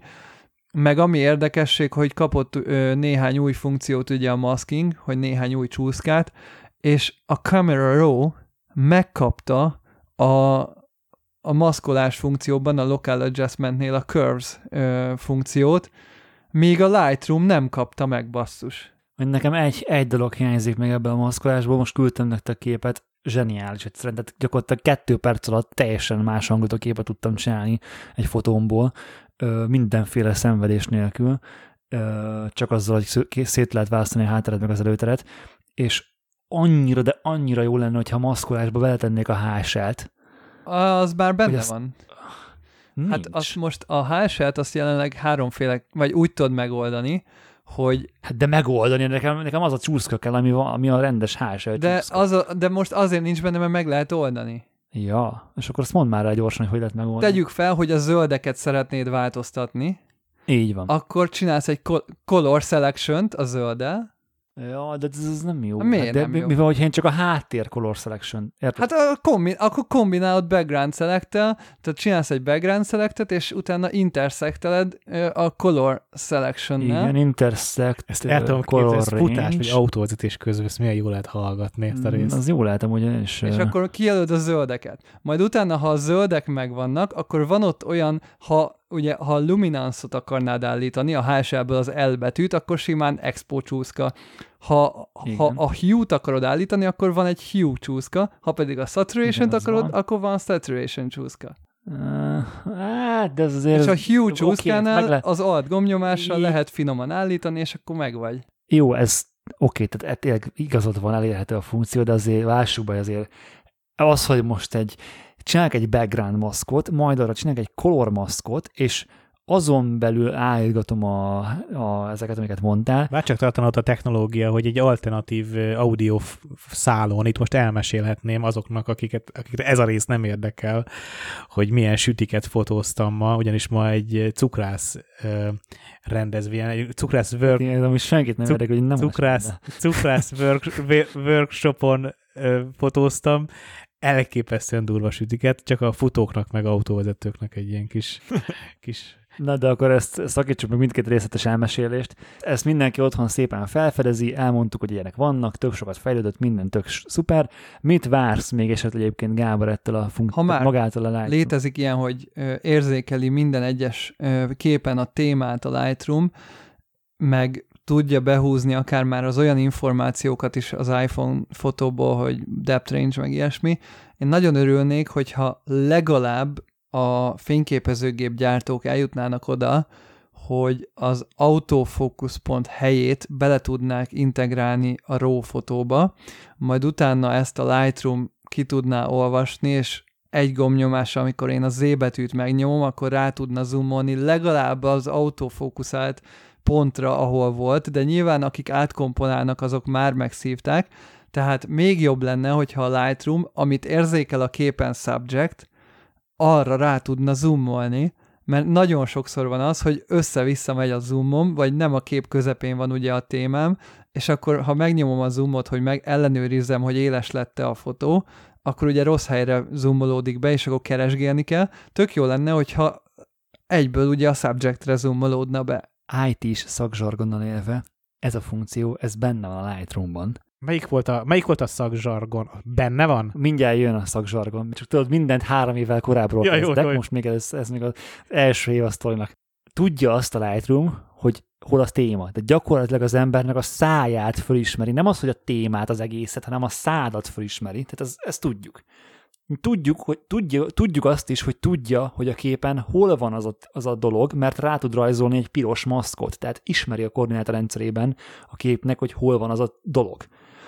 Tudsz zoomolni, és tudsz úgy zoomolni, hogyha az egeret ráviszed a képnek a bármelyik pontjára, akkor oda zoomol be. Tehát még irányítottan is tudsz zoomolni, tehát nem az van, hogy csak olyan zoomot tud a Lightroom, hogy mindig középre zoomol be, hanem bárhol be tudsz zoomolni. És most jön a szakzsargon. Csak előtt, csak előbb egy kicsit petrengt a földön, gondolom. Igen, kicsit, kicsit rögök a hülyeségen. hogy ez olyan low-hanging fruit lett volna a fejlesztés szempontjából. Ennek a kifejezésnek a kibontását, ezt rábízzuk a hallgatókra. Hát ugye a low-hanging fruit az azt jelenti, hogy azokat a gyümölcsöket szedjük le először, amik a fának az alján vannak, mert azt könnyen elérjük. Magyarul ez egy nagyon könnyű feladat. Ez egy nagyon kézenfekvő, nagyon egyszerűen ö, kigondolható, megvalósítható ö, dolog, mivel minden rendelkezésedre áll, csak össze kell tenni az alkotó elemeket. Wow. És annyit kéne csinálni, a menü, menübe benne lenne egy olyan pipa, zoomolj a témára, ha van a, van a fotón kijelölt téma, vagy megtalált téma. És onnantól kezdve arra zoomol. Tök jó lenne, viszont ehhez ez nem annyira low hanging fruit, mert ehhez akkor kellene subject pre-render, mert amikor válogatsz és megnyomod a Z betűt és bezumol, akkor ő lehet, hogy még a normál developnál sem tudja egyébként a témákat. Csak akkor tudja a témákat, amikor megnyomod a maskingot, és megnyomod a subject detection és ott hagyod, hogy betöltse. És kéne, mint ahogy az egy-egy preview is létezik, kéne egy olyan funkció, amivel nyilván, ha kell, akkor kivárod, tehát tényleg, amit mondasz Benedek, persze be lehetne pipálni, és lehet, hogy miután megnyomtad a zoom gombot, 10 másodpercig tartana, mire kiolvassa a subjectet, ahhoz, hogy ne kelljen minden egyes alkalommal megvárni, hogy kiolvassa a zoomolás előtt a subjectet, valójában kéne egy olyan pre-render, mint hogy az egy-egy preview-kat is megcsináljuk, hogy minden egyes képnek először olvassa ki a subjectjét, és lehet, hogy ez tízszeresére növeli majd a katalógus méretet, meg izé, de nem érdekel, mert az lenne a lényeg, hogy gyorsítsa a munkát, és lehet, hogy tehát nekem az lenne az ideális, hogy ha, amíg van, hiába vannak olyan ö, funkciók, lehetnének olyan funkciók a Lightroom-ban, amik nagyon-nagyon hosszú időt vesznek igénybe, hogyha egy egyenként kell szerkeszteni, de mindent, amit előre meg lehet csinálni, azt amíg én alszok, addig a Lightroom megcsinálhatná. Tehát tök jó lenne, hogyha a számítógépem a Lightroom-mal nyitva, amíg én alszok, addig csinálná az egy-egy preview-t, meg renderelni a subjecteket, majd amikor felkelek, akkor ha megnyomom az gombot, akkor azonnal ugye a subjectre fog zoomolni. Igazándiból kettő darab pipa kellene a, de a settingsbe, kellene egy olyan pipa az egy-egy preview almoduljába, vagy az al szép tagolásába, hogy pre- pre-render subjects, bepipálod, Igen, ami igen, egyébként gyorsítaná a maszknál, amikor fölteszi a maszkot, tehát ott már például nem kéne erre várni. Meg kéne egy olyan pipa, hogy zoom to Hát subject, igen. és ezzel megvan oldva a feature. És, ez, és, és minden, tehát minden implementál van ehhez. Meglátjuk, hogy mit hoz a jövő. Ezek, ezek a funkciók olyanok, hogy banálisnak hangzanak, hogy mit akarunk mi szákat kijelölni, meg izé.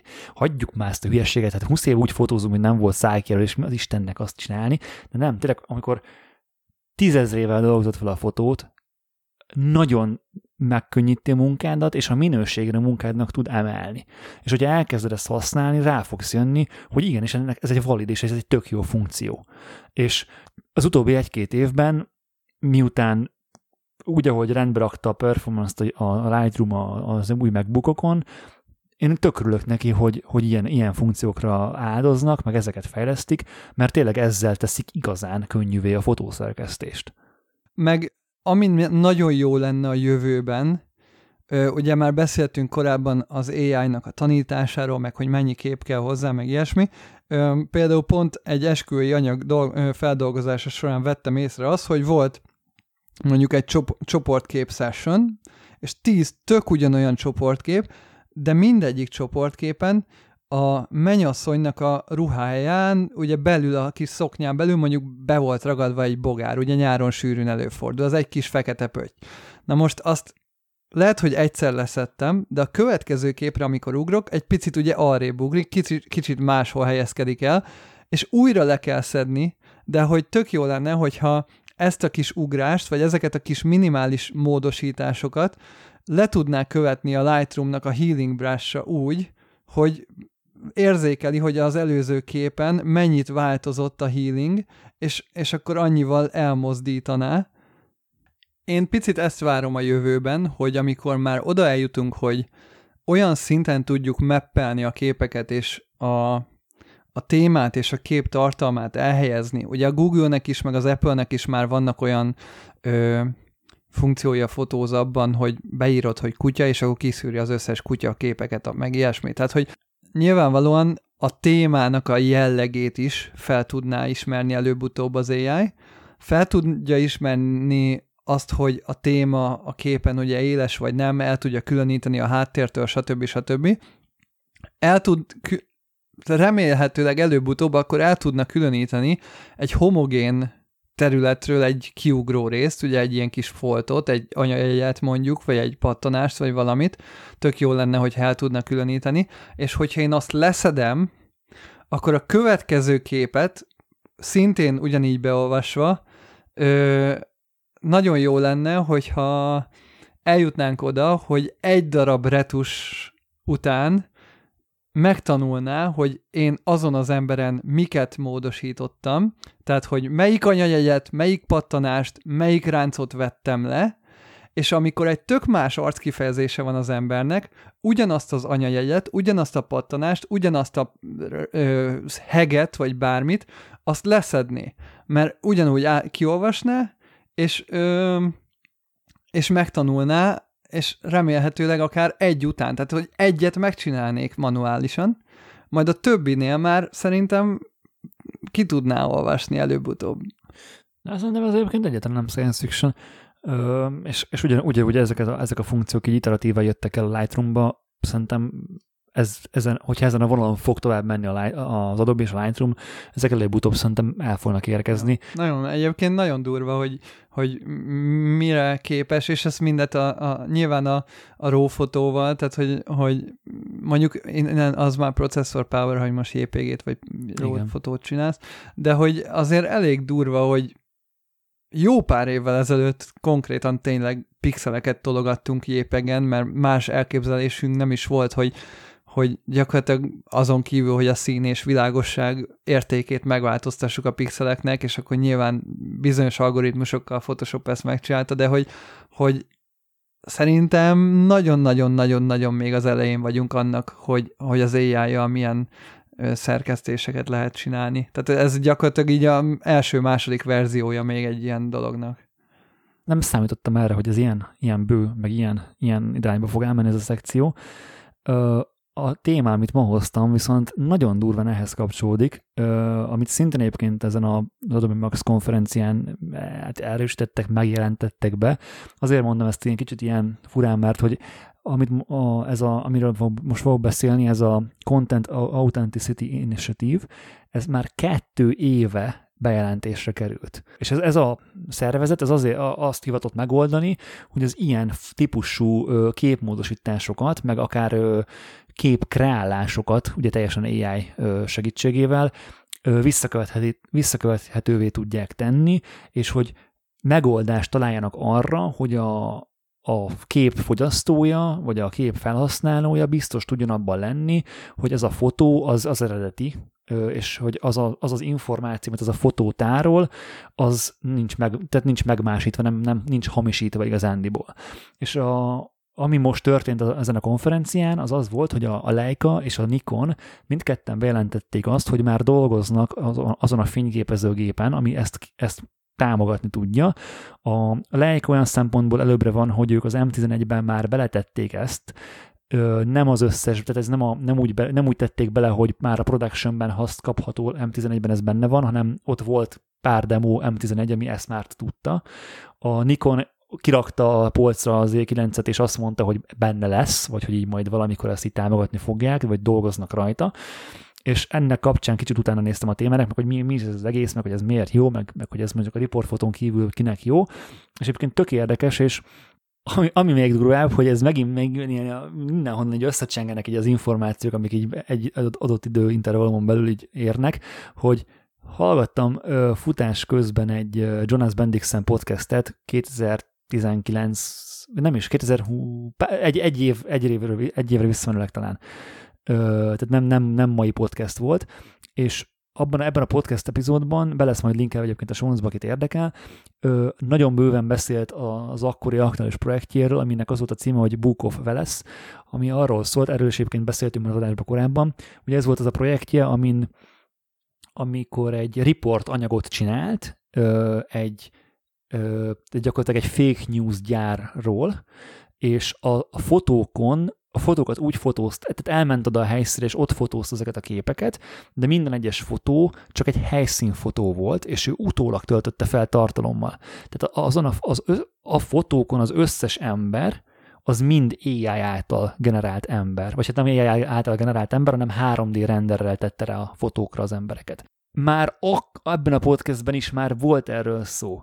Ha belegondoltak, hogy mennyire durván aktuális téma, arról szól maga ez a dolog, hogy van ez a szervezet, aki egy open source megoldást kínál arra, mindenféle külső cég, nem, nem tudom, hogy ezek cégeket, cégeknek nevezhetjük el, vagy nem tudom, hogy ez pontosan mi a szak, szakneve, de hogy le vannak ezek hitelesítve ezek a folyamatok, tehát ez nem úgy működik, hogy nyilván egy bizonyos szintű bizalmat kell ezek a cégek iránt fektetned, de hogy ez kb. mint egy izó szabvány, hogy az sem hasonlítésszerűen készül, hanem azt le van validálva, meg, meg külsős cégek validálják, ez is egy hasonló dolog, és a lényege az, hogy a kép elkészítésnek a pillanatától kezdve a metadatába kerülnek bele olyan megvaló, megmásíthatatlan információk, ami alapján visszakövethető a fotó az eredeti verziójáig. És vannak a, és a Photoshop fog olyan funkciót kapni, ami a metadatát úgy írja felül, hogy gyakorlatilag history-szerűen vissza tudod nézni, hogy hogyan módosult a fotó. Tehát amikor mondok egy use case-t, fotóriporter vagy, olyan fényképezőgépet használsz, ami támogatja ezt a funkciót elkészíted a RAW fotót, belekerül a RAW fotónak a metadatájába az, hogy ki vagy, milyen fényképezőgéppel készítetted, hol készítetted, mi volt a fotón, meg ugye maga a fotó ott van. Ö, utána ezt az editor megkapja ezt a fotót, renderel belőle egy jépeget, és mondjuk megkroppolja. Ö, meg mondjuk húz egy picit a kontraszt csúszkán. Ö, ezután ez a fotó kikerül az internetre, egy weboldalra, egy hírportára, mondjuk a, nem tudom, a New York Times oldalára, és egy egyszerű olvasó oda téved az oldalra, és azt látja, hogy nem tudom, kiskutyák szaladgálnak Stockholm ö, utcáján, és azt gondolja, hogy ez egy fake news, mert ilyen biztos nem történhet a világban, hogy ez, hogy ez, ez, ez így van, és a weboldalnak van egy olyan pluginja, ami rámész, és konkrétan az összes ö, módosítási mentését a képnek vissza tudod követni teljesen az eredeti fotóig, és meg tudsz arról bizonyosodni, hogy mik történtek módosításra a képnek az élettartama során. Nyilván ez ugye bármelyik pillanatban felülírható egy screenshottal, és onnantól ez azt csinálsz a fotó, amit akarsz. Most két mondatba összefoglalva, akkor ez azt jelenti, hogy egy képről meg tudod állapítani azt, hogy szerkesztve volt, vagy nem, hogy ha te szeretnél megbizonyosodni, mint user, mint hírportál, mint bármi entitás, arról, hogy ez a fotó az valósághűje, eredetie, azt ábrázolja, amit a készítője akart, vagy az, az, amit ábrázol, az tényleg megtörtént-e, akkor meg tudsz róla bizonyosodni. Ez nem egy megoldás arra, hogy nem lesznek fake news portálok a jövőben mert ez egy nyilván ilyen, ez, ez egy ábránd. De akkor ez mire megoldás? Tehát... Ez arra megoldás, hogy a téged, mint Lénárt Gábor érdekel az, hogy a hírek, amit, amit fogyasztasz, azoknak a valóságtartalma az igaz-e, akkor meg tudsz róla bizonyosodni, és mondjuk olyan hírportált tudsz fogyasztani dedikáltan, aki ezt támogatja, és csak olyan kontentet közöl, ami ezt alá tudja támasztani. De gyakorlatilag ez egy, ez egy szabvány, amint a ISO, bármelyik ISO szabvány. Tehát ha azt, azt mondom, hogy én csinálok egy hírportált, ami Tripodcast News természetesen a neve, és mi kirakunk egy badge hogy, hogy mi ezt csak is olyan fotókat fogadunk el és posztolunk, amik ennek a szabványnak megfelelnek, akkor az ad nekünk egyfajta hitelességet. Vagy pedig simán lehet a cikkben, vagy a képek mellett jelezni egy nagy piros X-el, hogy diszkréten, ilyen elegánsan, szépen, hogy, hogy ezek a képek nem felelnek meg ennek a szabványnak, tehát a forrásuk, a, a manipuláltságuk nem bizonyított, vagy, vagy, vagy, vagy, vagy bizonytalan. És honnan tudom, hogy ez a szervezet nem korrumpálható, vagy... Hát igen, ugye ez a, ez, a, ez a nagy kérdés, ugye nyilván ez megint az emberi faktor, de hogy ö, muszáj valamilyen szinten bizalmat ö, generálnod ezek felé. Tehát, hogy, hogy nem, nem áll, tehát, hogy Szerintem az egy nagyon szomorú élet lenne, hogyha én mindenhez úgy állnék hozzá, hogy megkérdőjelezek dolgokat. Persze, ö, előfordulhat, hogy ez a, nem tudom, kb. 200 darab tényleg világvezető hírügynökség, fotószerkesztő, gyártó, stb. stb. kameragyártó, ez mind összeesküdött a világ és ők el akarják fake a Földet. Ezt kevésbé tudom elképzelni, mint az, hogy tényleg ők ezt behisznek, és ezt meg akarják csinálni. Tehát, hogy... Gábor, a rövid válasz, üzleti logika. Egész egyszerűen, ha valami erre jött létre, és nem fedhetetlen, akkor nem működik. Tehát nekik nem, nem céljuk tehát tényleg, hogyha nincs mögött, nincsenek mögöttük a gyík emberek, akkor nagy valószínűséggel lehet benne bízni, hogy, hogy nagy cégek egymással összefogva, egymással szerződéseket kötve. Egyébként ez, ez egyébként ez olyasmi, ezt úgy, úgy fogt föl Gábor, vagy a hallgatóknak is mondom, mint mondjuk a, tényleg az ISO szabvány erre a legjobb példa talán, hogy azok sem azért jöttek létre, hogy, hogy kicsesszenek a, az implementálóikkal, hanem azoknak van értelme. Ezek, ezek levalidált, letesztelt, át, átgondolt dolgok.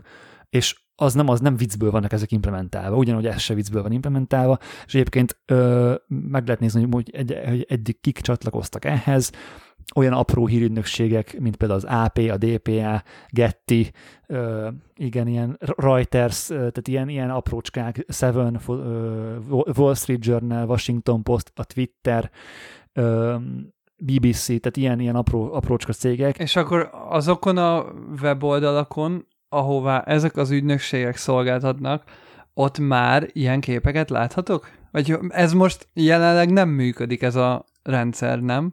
Így van, ez, ez egy kiépítés alatt álló rendszer. Ugyanúgy, ahogy mondjuk minden a világon, tehát ez nem varázsütősre fog működni.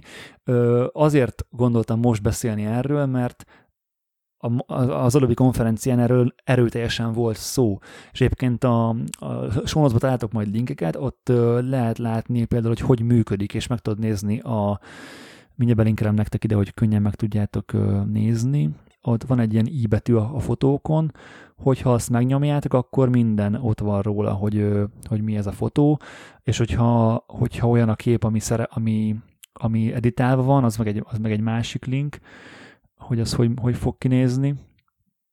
Ott pedig konkrétan a historit látod, az edit historit. Mi kell ehhez? Kell hozzá olyan fotószerkesztő program, ami tud olyan metadotát hozzácsatolni a fájhoz, ami ezt támogatja, ezt a szabványt. A Photoshop tud ilyet csinálni, vagy fog tudni ilyet csinálni. Tehát a Photoshopban szerkesztett képeknél ott lesz, mikor mentesz egy exportálsz egy képet, akkor az bekerül az a fotó a historiába a fotónak, vagy az eredeti fájlnak. És ugye kell egy olyan weboldal, ami ezt támogatja, meg kell egy olyan tool, amivel te bármilyen fotót tudsz validálni. És például az, amit küldtem, ez, a, ez az utolsó link, ez a Verify Beta oldal, ez egy olyan tool, amiben be, be, betopsz egy fotót, és ez, ez képes megmondani arról a fotóról, hogy ez ezzel a metadott a struktúrával el van látva, lát-e historiát, látja a gráfot, hogy milyen állomásokon ment keresztül a kép. És ez be bármilyen fotót bele tudsz dobni, és hogyha csak egy sima képeket dobsz be, akkor azt fogod látni, hogy ez egy nem, nem validálható kép. És ugye azt már te eldöntöd, hogy azzal te utána mit fogsz csinálni. És ami például tök érdekes volt, se a Canon, se a Fuji, se a sony a nevét nem látom a csatlakozók listájában. Egyedül a Nikon és a Leica az, aki egyáltalán benne van a listában. Az ezzel a bajom, hogy valójában jelenleg is az emberek megtévesztése az nem feltétlenül manipulált, Photoshopban manipulált képekkel zajlik, hanem a valós képeknek a kicsavarásával, vagy éppen a tüntetés elején fotózott ritka tömeggel, majd utána ilyen-olyan címekkel, szöveggel, ö, meg, meg ö, nagyon-nagyon sokféle médiából áramló ugyanolyan üzenettel, és hogy az, akinek mondjuk erre van, lenne igénye, hogy egy i betűvel megnézze, hogy autentikus-e a fotója, az már eleve jelenleg is olyan forrásokból fogyaszt mondjuk híreket, amiknek azért van egy bizonyos ö, kreditje, vagy van egy bizonyos ö, szintje, ahol, ahol autentikusnak ö, gondolhatod. Ö, tömegmanipulatív cikk mellé egy-egy kép az inkább illusztrációként szerepel, nem pedig ö, a valóság bizonyításaként, és hogy magát az alternatív valóságokat a különböző médiumok, meg különböző ö, cégek, vagy akár különböző országok, kormányok, bármik, ö, inkább olyan módszerekkel hozzák létre, hogy minél több területen minél jobban próbálják lenyomni a torkodon ugyanazt a, a mondást, ugyanazt a, a Facebookon, az Instagramon, a, a különböző ö, médiumokon keresztül megpróbálják ugyanazt az üzenetet áttolni minél durvább. Elárasztás. Így van. És nem, nem a hitelességükkel próbálnak téged meggyőzni, hanem valójában a mennyiséggel. És az az ember, aki jelenleg a hitelességre éhezik, mondjuk, az már most is olyan médiumokat fogyaszt, aminek azért van valamiféle hátországa, van valamiféle hitelessége, van valamiféle ö, kreditje, és azok az emberek, akik ö, akik mondjuk jobban vevők, vagy jobban manipulálhatók, vagy, vagy kevésbé ö, tudják a forrásokat ellenőrizni, azok az emberek szerintem nem jutnak közelebb a forrás ellenőrizhetőségé tehát azok az emberek nem jutnak közelebb a, az igazsághoz azzal, hogy lesz egy ilyen ö, cég, aki, aki most a képeket autentikálja, vagy nem, mert, mert azok az emberek akkor azt mondják, hogy te vagy az A oldal, ők meg a B oldal, vagy fordítva, és igazából egyikünknek sincs igaza. Ebben igazad van, főleg abban, amit mondtál, hogy, hogy a tömegmanipuláció vagy a, a hiteltelen tájékoztatás az nem feltétlen, ahhoz nem feltétlen kell képet módosítani, hanem, hanem egyszerűen olyan narratívát kell kiépíteni valós képekkel, amilyet szeretnél, hogy elhiggyenek az emberek. Ez millió példa volt erre, akár csak a Brexitre, vagy Trumpra, vagy bármire gondolunk. Viszont Amiért én örülök ennek, hogy ezzel foglalkoznak, a, és ilyen nagy szereplők, tehát ilyen nagy szereplők foglalkoznak, tehát tényleg, mint Reuters, AP, DPA, Adobe, stb. kameragyártók, mögé álltak minden. Szerintem ez azért nagyon fontos, mert most nem igen van olyan eszköz a kezünkben, amivel meg tudod mondani egy képről azt százszerzalékos bizonyossággal, hogy az igaz-e vagy nem. És most nyilván most hagyjuk azt, hogy, hogy, hogy nem, amit az előbb mondtunk, hogy nem csak hamisított képpel lehet ö, befolyásolni. De ez egy nagyon, ez egy, ez egy nagyon kardinális kérdés a digitális jövő fele ö, haladva, meg az AI fele haladva, hogy tudjuk eldönteni, bár akármilyen oknál fogva, vagy akármilyen indításból, hogy ez a fotó az igazi volt-e, az történt-e meg, ami azon a képen volt, az az ég az olyan színű volt-e, az a madár az odrepült-e, stb. stb. Ö, mert ez fontos dolog, szerintem. És szerintem ezt, ez, ez, ez egy örömteli dolog, és én nagyon remélem, hogy minden ö, tényleg nagy kamera gyártó mögé áll, ö, és meg az, hogy a, tényleg a, a nagy híroldalak már már ezt ö, hajlandóságot mutatnak ennek az implementálásra, az már tök jó, meg az egy nagyon fontos lépcső szerintem ebben.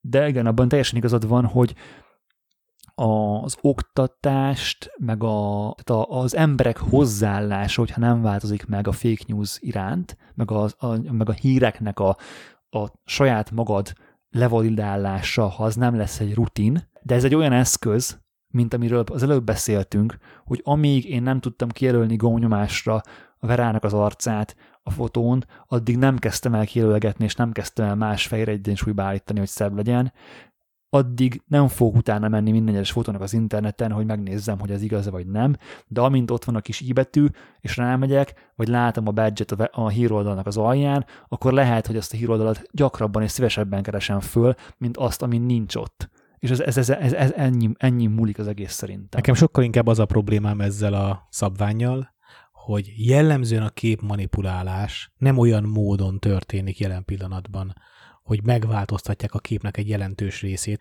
hanem sokkal inkább a kép elkészítésének módjával manipulál. Illetve a másik az az, hogy, hogy sokkal gyorsabban fog fejlődni a videós a deepfake cucc. Ez arra is igaz. Ez most csak fotóval indult, vagy azon van a hangsúly, de, de videó is, és digitális tartalom is. Tehát, hogyha te csinálsz egy grafikát, és azt valaki lelopja és módosítja, azt is fogod látni. Igen, ez, ez marha jó, de a legdurvább az sajnos a fejekben való dőlés. Tehát a, amikor, amikor nekem azt állítja egy, egy, egy beszélgető partner, hogy ő látott valakiről kompromitáló videót, és emiatt ő számára hiteltelen, én meg azt mondom, hogy én nem tudom elképzelni, hogy ilyen létezne, és keressünk már rá, és nem találjuk meg, és ő még mindig szentül állítja, hogy ő látta, és emiatt nem hiteles neki az ember, most szándékosan fogalmazom full ködösen, most nem beszélgessünk konkrétumokról, ott nem menthető a helyzet ott, ott nincs valid, nincs, valid, nincs az a, a, az a... Nem tudod, nem fölösleges vagy de. Így van, teljesen fölösleges. Gábor is elmondta, hogy ha valaki egész egyszerűen azt akarja benne látni, akkor azt fogja, akkor azt fogja benne látni, ez a validá, validációs szervezet is azoknak az érdekeit szolgálja. És ilyen szempontból nagyon nehéz, ugyanakkor meg üdvözítő, hogy mindazoknak, akik viszont keresik a valós híreket, ez egy nagyon jó támpont, és hát a tömegek állnak mögé, akkor, akkor működhet. Ez egy baromi jó kezdeményezés, mert időben kell megszületni ahhoz, hogy lassan elterjedhessen. Köszönjük, hogy ezen a héten is minket hallgatotok, ne felejtjétek a 15 Tripodcast kóddal 15% kedvezményt kaphattok Smallrik termékekre a Triponnál, eti támogatóink is a Fujifilm, a Tripont, a Manfrotto, a Samyang, a Hanel, a Nisi és a Patreonosok voltak, Jancsa János, Sutta Dávid, Turóci Gábor, Erdős Balázs, Német Mészáros Bálint, Vince Robert, Vég Sándor, Buducki Norbert, Nagybai Ádám, Samán, Varga Domonkos, Lizander Gallus Agamemnon, Szűcs István, Kalamár Ákos, Pataki Csaba, Flender János, Tóth Szabolcs, Rövid Péter, Neác Tamás, Berta Zoltán, Dovigyel Bálint, Szulics Miklós és Mikó Vencel. Sziasztok! Sziasztok! Sziasztok!